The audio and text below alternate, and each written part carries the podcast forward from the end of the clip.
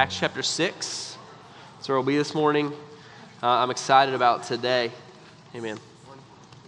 Um, I'm excited to be here. My name is Matt. I'm part of the team here at City Collective.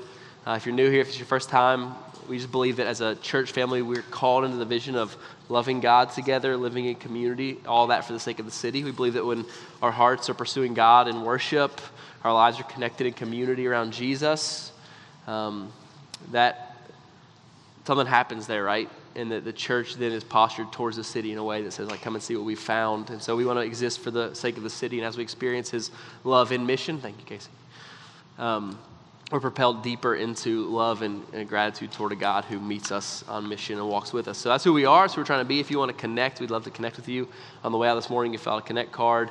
Stop by the connect table on your way out. I just encourage you. Um, we are we are so excited that you're here. We want to meet you. We want to figure out what God is doing in your life and how we can connect you to the life of our church family. So uh, again, my name is Matt, and we're honored to worship with you this morning. Um, if you're if first time here, or if not, uh, we kind of find ourselves in the middle of. Um, between two seasons. I had a uh, professor in seminary who called those liminal spaces, um, which who cares about that big word? But the idea is that it's, it's a space between two things, and sometimes in that moment we can, we can find something or see something or understand something from a different perspective or, or in a new way. It's kind of a threshold moment where we're leaving one season, and entering into another. And so, as a church, for the last, I guess, what, six months almost, we've been in the Songs of Ascent, the Psalms in the Old Testament, Psalms 120 to 134, the songs that the people of Israel would sing together as they journeyed toward Jerusalem um, toward an encounter with God three times a year, every year of their lives during the festival seasons. And so we walked through those and said, God, like, what does discipleship look like? It looks like repentance and then walking in some things, right?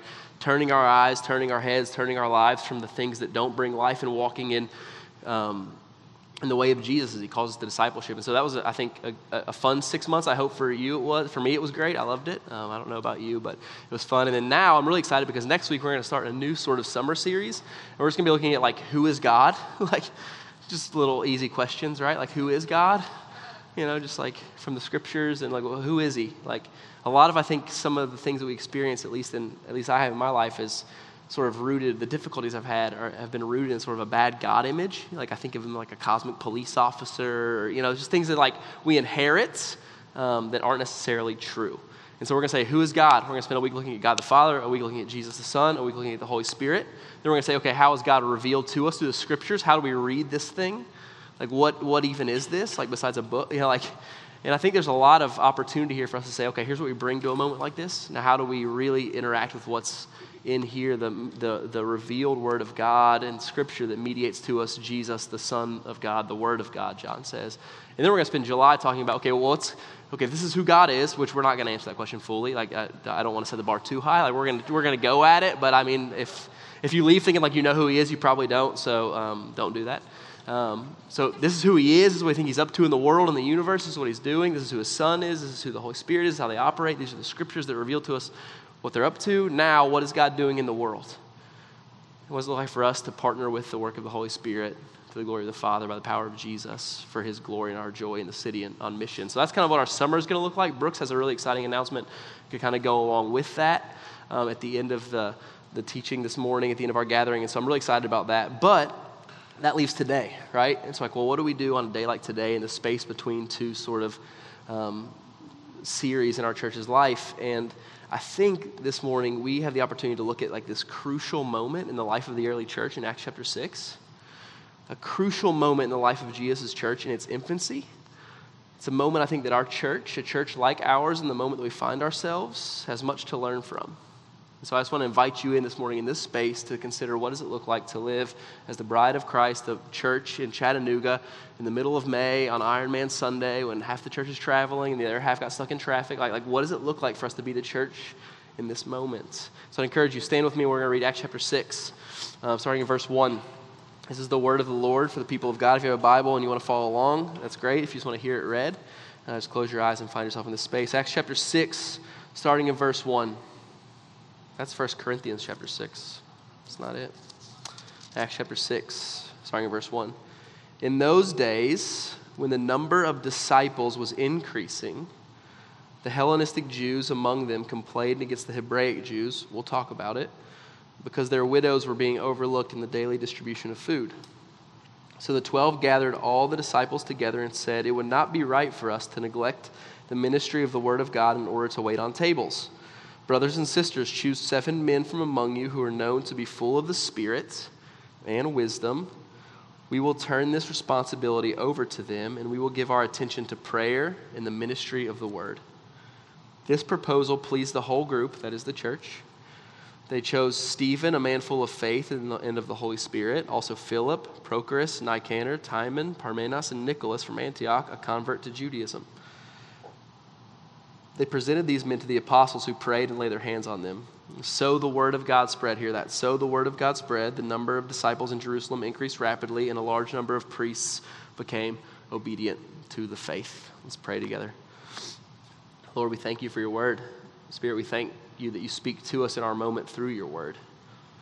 And Jesus, I pray that as we consider your earliest church this morning, as we seek to organize our life around your values and vision for our life as a church family, I pray that you would just be with us this morning, that you would guide us, that you would lead us, that you would help us to understand, that you would, um, yeah, that you would lead and, and guide and reveal and motivate and encourage and all the things that you do.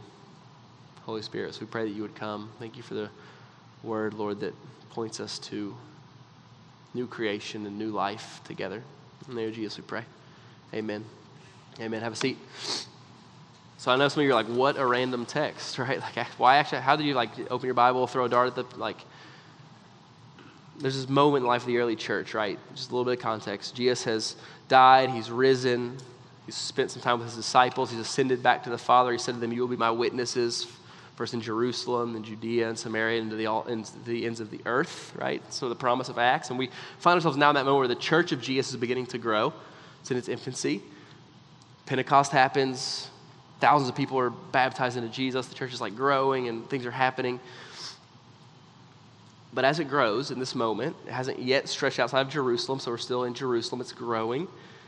But as it's growing, they begin to experience some growing pains. I don't know if you guys have experienced growing pains. I remember in high school, uh, junior year, summer, I woke up, I couldn't sleep because my legs felt like they were to fall off because I was, my body was growing like so rapidly. I was like, this is the worst. I don't know if you experienced growing pains. Um, the church is beginning to experience. It's good, something's happening, things are, but like there's some tension, there's some conflict, there's some things happening, right?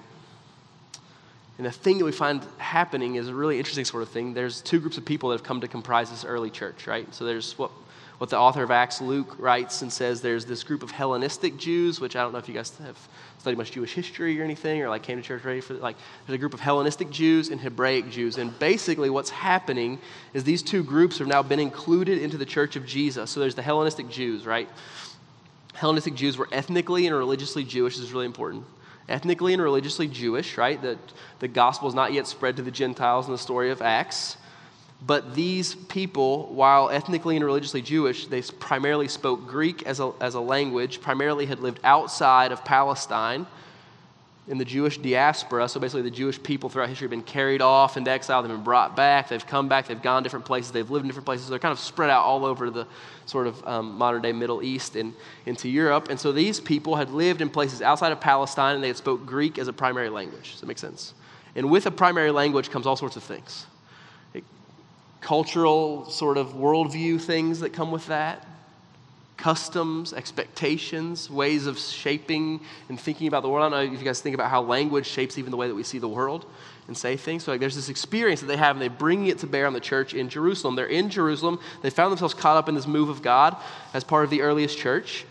And now they look across the aisle, and there are Hebraic Jews in the church congregation as well. Now, these are Jewish people, ethnically and religiously, that had lived in Palestine that primarily spoke Aramaic and that worshiped probably in Aramaic speaking synagogues before they gave their lives to Jesus and found themselves caught up in this new thing, the church, right? And so what happens there is we have two groups of people with pretty dramatically different worldviews, although they share a lot in common, coming together to worship Jesus, the crucified, murdered, and resurrected Messiah of the Jews and of the universe, right? This is wildly sort of beautiful moment. I find it fascinating that from the very earliest moments of our faith, the church of Jesus has been a diverse and rich and interesting place to be from the beginning, from the very outset. And the conflict and the tension that arises is not like outside of that vision, it's part of what it means for Jesus to be the, the unifying Messiah of the universe, right? Like It's this beautiful place to be. But in that, there's an issue, right? I think no other institution on the planet does what the church can do, has the power to do what the church can do when it comes to uniting and unifying people around the vision that Jesus has for life. But there's an issue, right? One of those groups, we're not, we're not told if this is true, if this was happening, if it was perception, whatever, but one of those groups feels like part of their group was being ignored in the life of the church and not taken into account in the moment that they find themselves in in the same way that the other was the other group was. And so the leaders of the church gather the apostles right? The 12 who had seen the resurrection of jesus. Sort of the that's the requirement to be an apostle. They'd seen the resurrection of jesus. They gather together they come together they make a decision. They say we need a system. We need a system. There's a need in our church. We see it and we believe, hear this, we believe that though our church is in the infancy, its infancy, it's small still relatively, we're figuring it out. We don't know, there's no manual, there's no church planning like guide, right? They didn't call up Barna, like, what's the best research on how to plan a church? Like, there's nothing. They're like, but they look at the church and they say, I think, we think that we have the internal resources here in this place to handle this need, to establish this system, to walk in what God has for us so that we might step into the fullness of what it means to be the church of Jesus. You see, the apostles can't do everything, so they say to the church, we need some leaders. We need some leaders. And they look at the church and they say, Choose among you seven men full of the Spirit and of wisdom to lead this ministry. And they do. And it's beautiful. And this is the story, Acts chapter 6 is the story of the appointing of the very first deacons in the church of Jesus. It's the moment in the life of the church for the very first time in which ministry leaders, other than the apostles, are enrolled into the life and ministry of the church. It's a big deal. It's a big deal.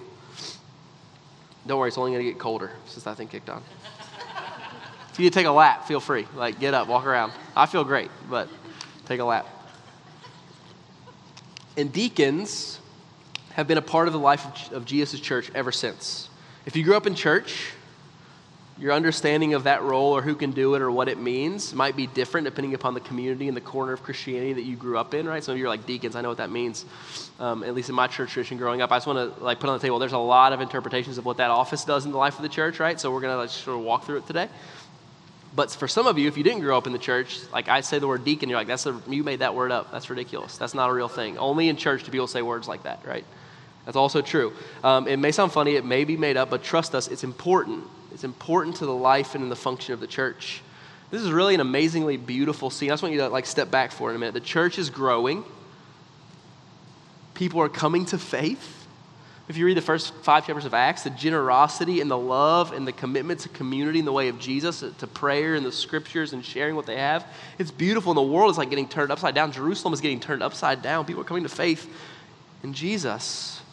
But there comes a point in their life where they need more leaders and better systems to help the church step well into the next chapter. And if you grew up in a place like me in church, that's the sermon, right? Like, that's it. That's the sermon on deacons. Like, that's it. Close it. Like, let's go to lunch, right? Um, and it's a good sermon. It's not a particularly bad sermon. I think it's all true. The only issue is it's not exactly what's happening. It is to a degree, but there's a bit of American leadership culture read into that story, at least how I just sort of summarized it to you. You see, the issue is the word leader is never once mentioned in that passage. It's not. As a matter of fact, there's no title or office even mentioned in that passage. It's not like, hey, they got in the back room and thought of, like, hey, we need this organizational structure, the org chart, here it goes, like, we need now we need deacons. Like, no, that's not even in the passage, right? That doesn't mean that something significant hasn't happened. It has. Very significant, something that we as a church seek to embody and learn from and model as we go forward. But as we think about our life together and the nature of that life together, the nature of what it means to be part of the family of God, I want us to take a serious look at what's happening here so that we can really fully understand what I think we're being invited into as members of the body of Christ, the church. Does that make sense? All right. So again, the, this moment comes, and the apostles say, they gather together, they, they gather together, and they say, It would not be right for us would not be right for us. So if you have your Bibles, verse 2, it would not be right for us to neglect the ministry of the Word of God in order to wait on tables. I always heard that as like a hierarchical sort of thing. I don't think it is. I think it's like there's a lot of needs, right? Here's what we're good at, here's what we're gifted at, here's what we've seen. And so there's other people in our church family who can do this thing as well. Don't read that as hierarchical. I don't think. I'm not saying that waiting on tables. I don't think waiting on tables in the kingdom of God is less important than like talking about Jesus. I think they're kind of this, it's all part of it, right? So it's not a hierarchical sort of thing, I don't think at all. They say, Brothers and sisters to the church, choose seven men among you who are known to be full of the Spirit and wisdom. We will turn this responsibility over to them and we will give our attention to prayer and the ministry of word. Again, this is what we can do. It's what we've been called to do. There's a need in our church. We think the church can meet it. There's two words here. This is, a, this is going to get a little technical, but I hope fun. Okay? That's the challenge. I'm, I'm excited about it. I hope it's fun for you as well. Um, two words. You guys like two words. We're going to do this thing. All right. He's getting the dictionary out. Um, yeah, in a way. I, there are two words I think we have to get straight in this passage to rightly orient ourselves toward what's happening here. The first word is wait on. Now, I know wait on in English is two words. Like, I get it. I, it's one word in Greek, so give me a break. Wait on. And the second word, so wait on tables, right? What they're, what they're calling these men in this case to do wait on tables. The second thing, responsibility. The second word, responsibility. Let's start with the second word. It's the Greek word kreia. I know you guys don't care about that. It's most commonly translated as the word need. So the majority of the times in the New Testament you see this word, it, it's the word need. Hillary, you're freezing. I'm sorry. I'm so sorry. Um, it's the word need. So I want you to see what's happening here.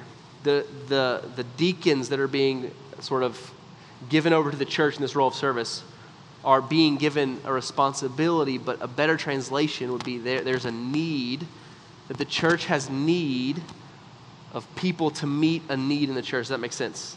The way we read that, it, it, affects it, right? Because we think about responsibility and like, oh, leaders have responsibilities. Like, no, no, there's a need. The church has a need, and the need is to meet a need. It's a really important distinction. They're appointed to a task, yes. To a role, yes. To a responsibility, yes. But the responsibility has its origins in meeting the needs of the family. That's the picture we get of Jesus' church as a family, right? You come over for dinner at my house. You're a guest in our house. feed you dinner. We hang out. We play a game. You go home. I go wash dishes. Right? That my family has a need. That being part of family gives us unrivaled access to the family, but it also gives us responsibility within the family to meet the needs of the family. Does that make sense? And the people who are appointed to that role are people who are what? to be what? Filled with the Spirit and filled with wisdom. This isn't one of those things where the best resume gets the job, not the ones who had been there the longest, the ones who had the most seniority in the organization. No. The people who get the role are people who are filled with wisdom and the Holy Spirit. I say to the church, hey, look among you. Oh, he, yeah. I've seen the work of God in his life. I've seen the faithfulness of his family, right? Give him the job, he can do it, right? We know as a church they will serve our church family in the meeting of this need sacrificially and well and in the way of Jesus. And that leads us to the second word, which is diakoneo. Everybody say diakoneo to your neighbor. Just do it. Um, it's the Greek verb. It's the Greek verb. This is the, this is the word literally. We just we don't have a word for it, so we just transliterate it. Deacon, diakoneo, right? We like, okay, we literally just kind of made it up in English. We don't really. It's the Greek, Greek word that means to serve. And to wait on tables is the best way in English we have for describing the work of service in the church. Okay? So I want you to think about a waiter. What does a waiter do? What's the role of a waiter?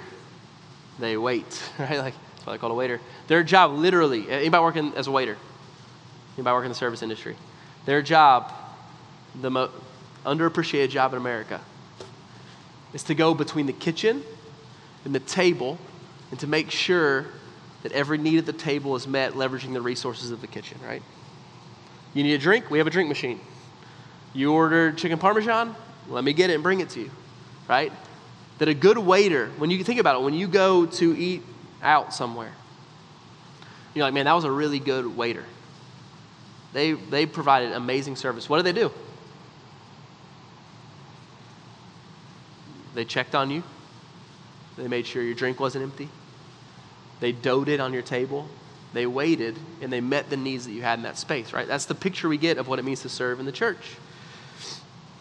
I love this. This is, um, so the Greek word, uh, we're getting deep now. Sorry, y'all. The Greek word diakoneo comes from two Greek root words dia, thoroughly, konis, dust. So the picture we get of service in the church is literally, I can't stop thinking about this image, the Tasmanian devil kicking up so much, so being so active in serving and meeting needs that there's a cloud of dust. Just like that's all it is.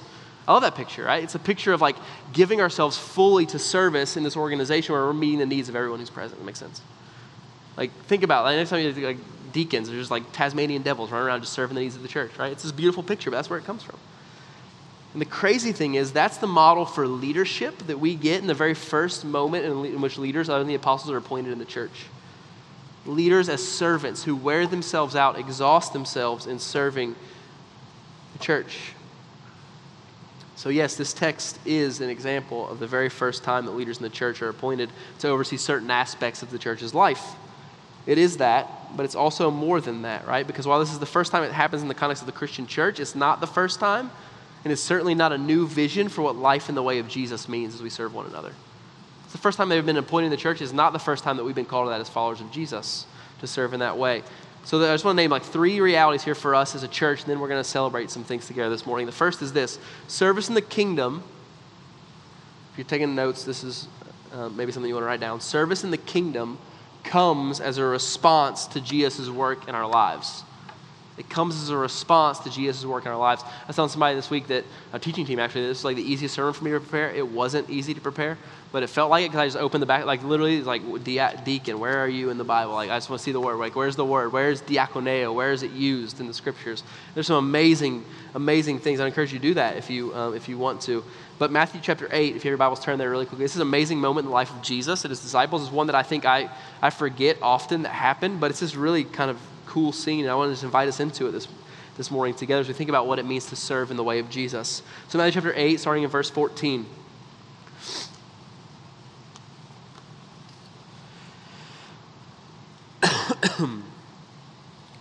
when Jesus came into Peter's house, I don't know that's why like I think about like Peter having a house and a family. I don't often think about that. Like Jesus goes to his house. It's crazy.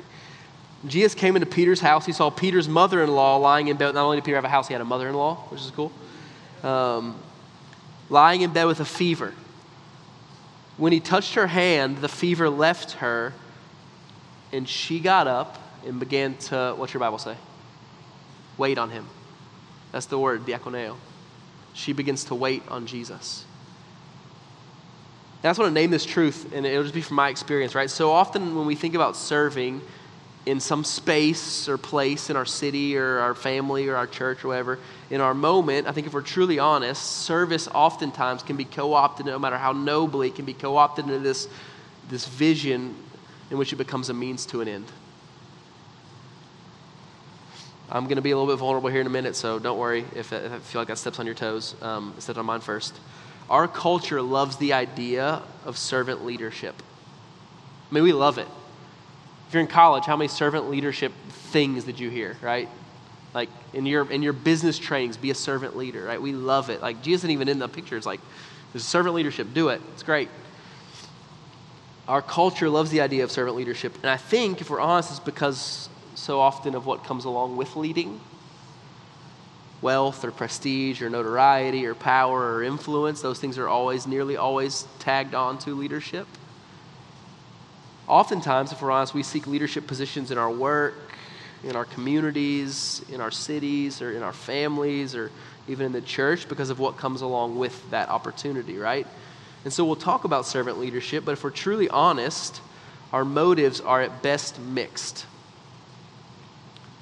And this is why I think when we see leaders who don't lead for those reasons, we are captivated by them and drawn to them.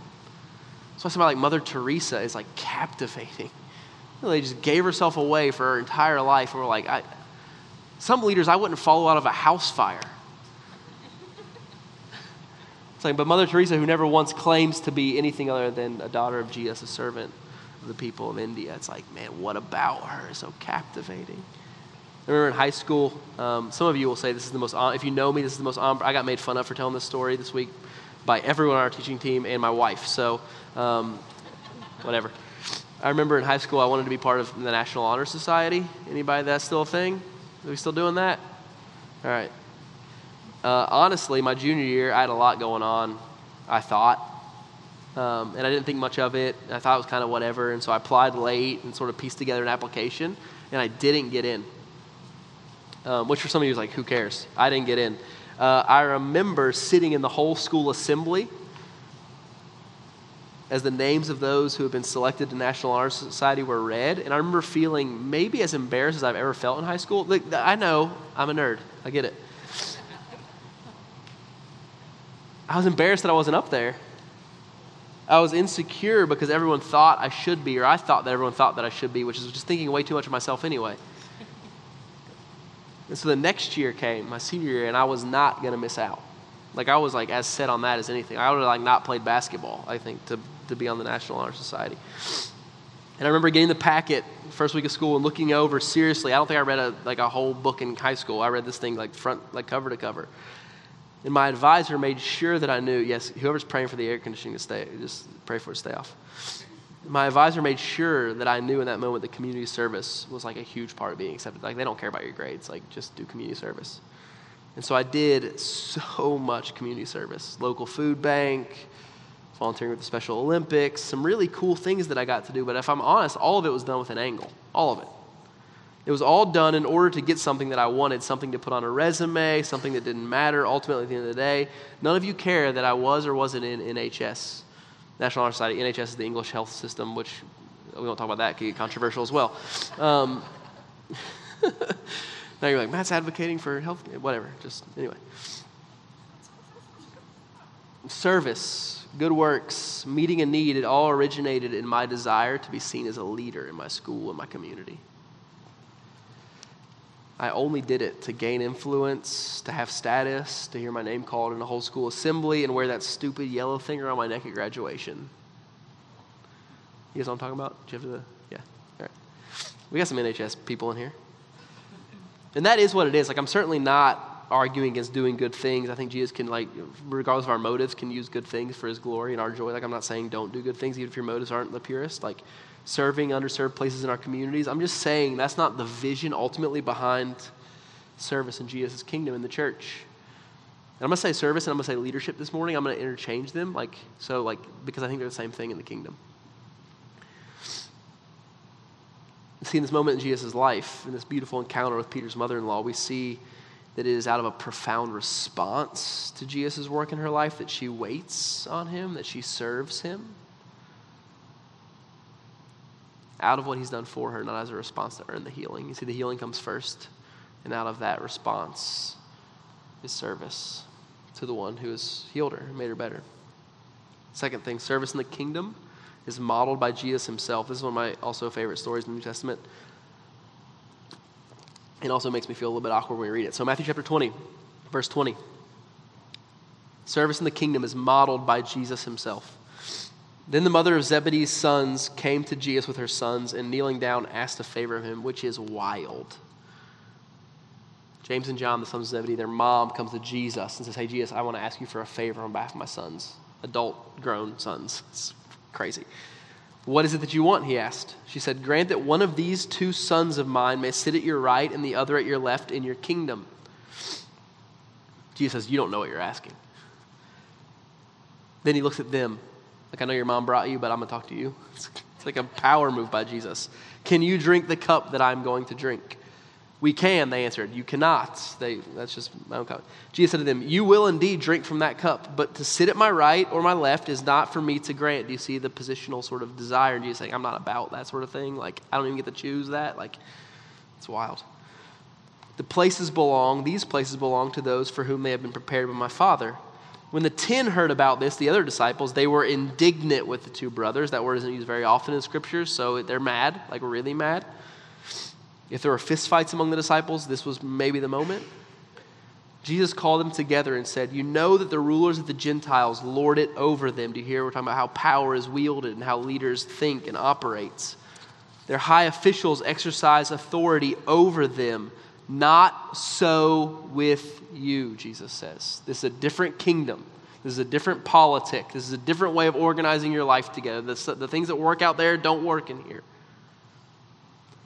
Instead, whoever wants to become great among you must be your servant. Whoever wants to lead must be a servant. Whoever wants to be first must be your slave, just as the Son of Man did not come to be served, what? But to serve, but to diakoneo. It's the word. And to give his life as a ransom for many. I find it fascinating that James and John, via their mom, come to Jesus and ask for a position of leadership and influence in the kingdom, and that Jesus responds with a vision for leadership and service that will follow his own example of death on the cross on behalf of humanity. He says, If you want to lead in my kingdom, this is what it means. It's giving yourself up to death on behalf of others. The model of servant leadership being exercised in our text in Acts chapter 6 in the early church is not some leadership strategy that flows from the most cutting edge leadership literature from Harvard. Like, you can read those books, they're on Amazon. Go home, servant leadership in Amazon, search it, see how many books come up. It's wild. I mean, thousands. Thousands. It's not some idea that flows from the most cutting edge leadership literature and the leading edge of sociological and psychological thought. It's not. The picture of the work that would be done in the early church to meet the need that the early church was experiencing is the picture of Jesus giving himself over to death so that, he, so that many might find life because of it. If you want to serve in the way of Jesus, if you want to serve his bride as he did, this is the way. For all the Mandalorian fans, this is the way. This is the way. It's the way of Jesus. I worked at a really good church. I'm telling the story only by myself, so like don't judge the church I worked at before. This is I worked at a really good church before Kristen and I moved here to, to Plant City Collective with some of you. And we wanted as a church to figure out a way to celebrate people who were living into the mission of God in the city. It's a really noble sort of like as a staff, like we need to celebrate what's happening because there's some really good things happening in our church as we serve the city together. And so naturally, because we're American, we thought it would be a good idea to make an award. Um, and then because um, so yeah, there's, I mean, just like, trust me, I was in the meetings. It's like, nobody thought like, let your left hand and your right hand, that whole thing. Like, no, we were, we were about celebrating it. So we thought an award would be appropriate. And then because we're Christians, we had to name it after something in the Bible. Um, this is how we do. And uh, so we thought, well, the Diakonos Award would be a great, a great name for this, a servant award, right? And I remember sitting there on the first Sunday we presented this award, this amazing couple. They were amazing. Just like served the mess out of our city, like gave away more money than I'll ever make in my entire life to the poor. It was amazing. And we're sitting there, and I watched on the, on the lead pastor of our church's face as he said, We would like to call forward this couple to give them the Diakonos Award. It was like, we can't do, we can't do this. This is not what this is about, right? Like, there is no award in the kid. Like, what are we doing? Stephen got martyred a chapter later, right? Like, this dude got killed, and we're handing out awards. It's because we're American and we're silly, and like, we repented, we didn't do it again.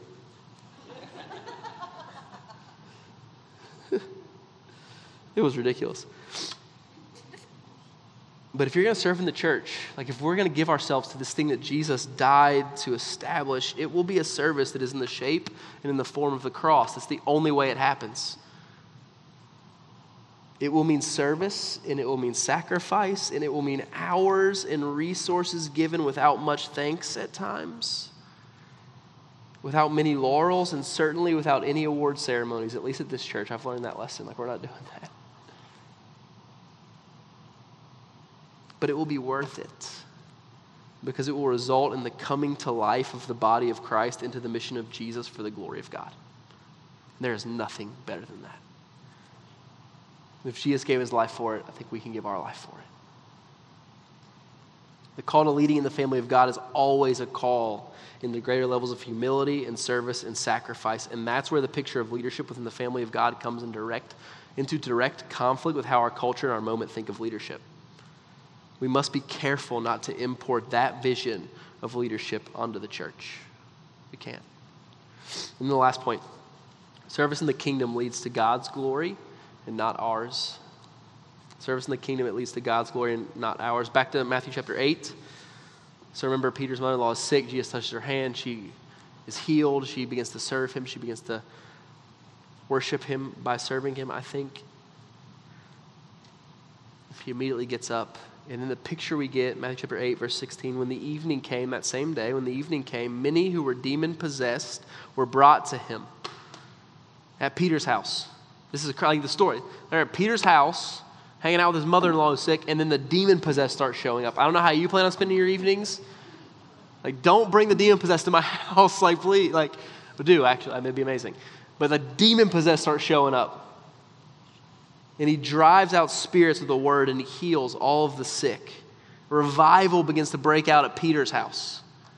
The kingdom of God comes breaking in at, like on, at Peter's front door. It's like demon possession, get out of here. Like sick, nah, not here.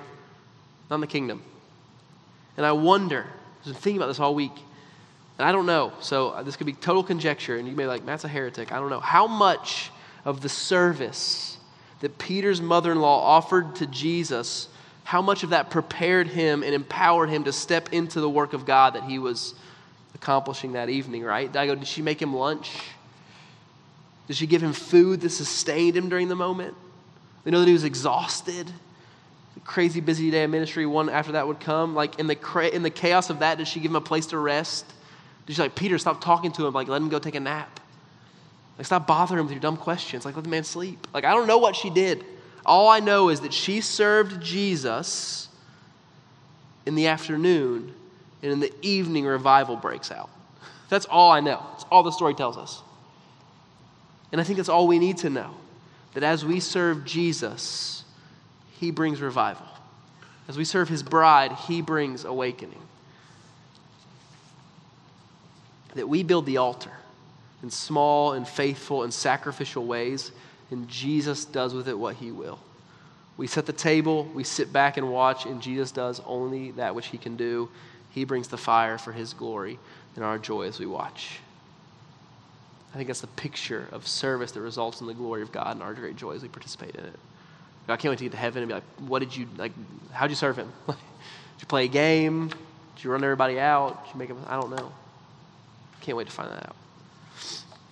Now, in saying all of that, our text today does, in fact, also record the appointing of leaders in the church. That is a thing that happened. There is a role in the family of God that comes out of this picture of service. But I think it's important for us as a church family that we recognize that this is the vision, that what I've just talked about is the vision for that role. A deacon in the church of Jesus is a ministry leader that operates and functions in this way, but only in this way. And at the same time, this isn't just a vision for deacons, for ministry leaders. This is the vision of what it means to serve and lead in the family of God for all of us. All of us. All of us. We serve in response to what Jesus has done, in the way that Jesus has served us, and for his glory. That is what it means to be part of the family of God.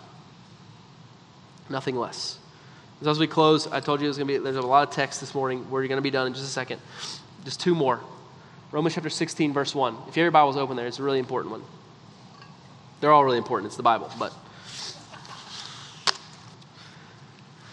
this is Paul writing the letter to the Roman the church in Rome. This is how he ends the church in Rome. Starting in verse 1. I commend to you our sister Phoebe, a deacon of the church in Cenchrea, just outside of Corinth, I think. I ask you to receive her in the Lord in a way worthy of his people. Talk about hospitality, talk about receiving, talk about and to give her any help she may need from you. Hear this, for she has been the benefactor of many people, including me. There's two reasons why I wanted. I think we have when you talk about this this idea of deacons of serving the church of ministry leaders, you have to talk about this text for two reasons. One, it's important to see as the church grew who functioned as a deacon or ministry leader in the church, right? So Phoebe, a little bit later in church history, she's a deacon in the church in Cenchrea. The church is growing, it's spread now into Europe, around the Mediterranean, and she is serving and leading in the church. She's a woman. Church history tells us she was probably also a successful business owner. This is who Phoebe is in the church.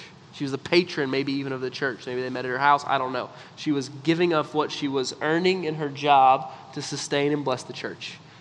And we see here in Romans that Paul has given her the letter to take to the church, probably on a business trip. So Paul writes the letter to the church in Rome, and many scholars think that he handed it to Phoebe. She's the first one, he says, like, receive her, right? That's how it works. Receive her because she's bringing this letter to you. So, Phoebe, the woman small business owner, deacon in the church of Cenchrea, carries the letter of, Rome, of Romans to the church in Rome, which means, by extension, According to ancient customs, it was most likely her, the very first person to ever read the letter of Romans aloud in the gathered church assembly. Because in, in, in, ancient Near East and Rome, like that role of like carrying the letter meant also you read the letter. It's not like they just passed it out, made a copy of it, gave it to everybody. She would have, the church would have gathered. She would have said, Hey, I have a letter for you from Paul. Here's what it says. The very first person on earth to, lead the, to read the letter to the Roman church is Phoebe, the deacon from Cenchrea. She stands before the gathered church and says, Hey, guess what? Paul has a letter for you. And it's a long one. Hang on, right? I'm to be reading for a minute. Like, it's in like after the closing prayer kind of stuff. Like, she's like, I got the whole sermon time. I'm reading the whole letter. Like, hang on. And by extension, she is most likely the first one to ever offer an explanation of the contents of that letter. You see, Paul would have summoned her. He said, I have this letter to this church. I want you to take it. And here's what I mean, right? Like when they ask this question, here's how I want you to explain it. So not only was she the first person to see the letter to the Romans, she's the first person to read it in the gathered church. She's the first person to preach a sermon on the letter to the Romans. It's like Sam's like got a question. She's like, hey, Phoebe, what's he mean? She's like, let me tell you what he means. So I think he means I was hanging out with him. This is what he said. It's wild. I think it's significant and important for us to hear and to know that as a church family. Phoebe falls in the line of many women who have spoken the word of God to the gathered church of God throughout history. This isn't a New Testament thing. It happens all throughout Israel's life and history. That's the first thing. It's important to see as the church grew who functioned in those roles as a deacon and ministry leader in the church. And then I think it's, for the second reason, it's clear again that the call in her life was to serve the church. She does it faithfully as an independent businesswoman as reflected in her generosity towards the needs of God's people. This isn't like a new thing. Paul's like, hey, I need somebody to carry the letter. He's like, no, no, who's loving the church? Who's serving the church? Who also happens to be going on a business trip to Rome? Like, Phoebe, take this letter for me. You're blessing the heck out of the church. I want you to continue to bless the church now in this role. Take this letter to the church in Rome. And that service to the, her local church has placed her in a position to see the glory of God break out as she delivers one of the most important letters ever written in human history that would further propel, propel the people of God into the vision and mission of God in the world. It's amazing. She gets to do this. And then finally, um, as we think about all this, Paul's words and instructions to Timothy about the kind of people that will serve in the church in the role of deacon and ministry leader. Hey, Brooks, could you grab Kristen from upstairs? Thank you. Um, 1 Timothy chapter 3. I think it's important to read. This is the text, right? If you grew up in church, this is the deacon text, right? 1 Timothy chapter 3, starting in verse 8. This is Paul giving instructions to Timothy, his apprentice. Paul's getting ready to say, hey, I'm getting ready to like exit stage left. Like, I, it's about over for me. He writes a letter to Timothy, his son in the faith, the one who will now carry this sort of leadership forward into the church. Um, this is what I want you to know about people who stand in this office as deacon in the church, Timothy. You need to know this as we move forward. Verse 8. In the same way, Paul says, deacons are to be worthy of respect, sincere, not indulging in much wine, and not pursuing dishonest gain. They must keep hold of the deep truths of the faith with a clear conscience. They must first be tested, and then if there is nothing against them, let them serve as deacons. In the same way, the women are to be worthy of respect, not malicious talkers, but temperate and trustworthy in everything. Now, here's what you need to know about that. Some of your Bibles might say the wives of deacons. I don't know if anybody has that scripture, if that is in your Bible. Um, here's the deal. We're nerding out for a second. In Greek, there is no differentiation between the word wife and woman, it's the same word.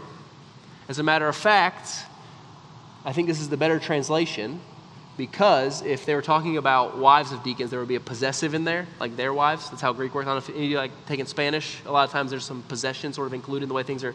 Anyway, this is. I'm sorry. We're there's none of that there. So what I think is happening is again, Paul is writing to Timothy. Timothy finds himself in Ephesus. If you're familiar with the church in Ephesus, go read the letter. There is this cult of Diana of Artemis, right? There's this pagan religion in the city that is based upon the worship of Diana, Artemis, the Greek goddess. And that temple worship was led exclusively and only by women.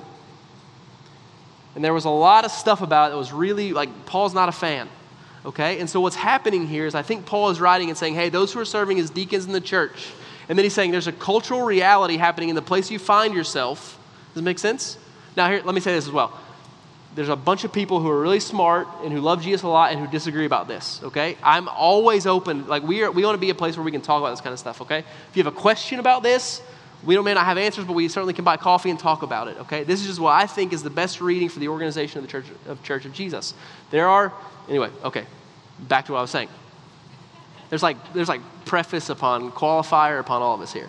Um, so that's happening in the city. And so Paul, I think, is saying, hey, the women among you who are serving the church in this way, be worthy of respect, right? There's a lot of gross stuff that happens in the worship of, of Diana, of Artemis. Be worthy of respect.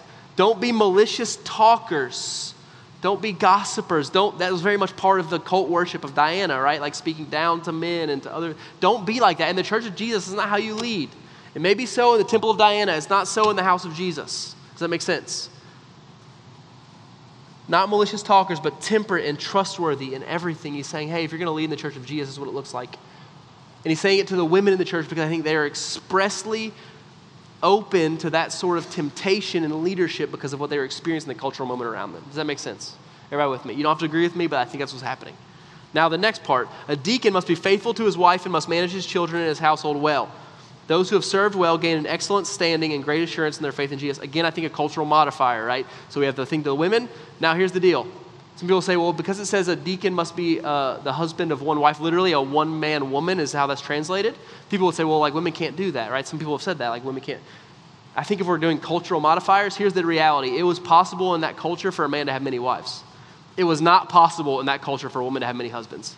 I don't think it needed to be said. So, again, I think it's a cultural modifier to say if you're going to serve in the church of Jesus as a man, you get one wife.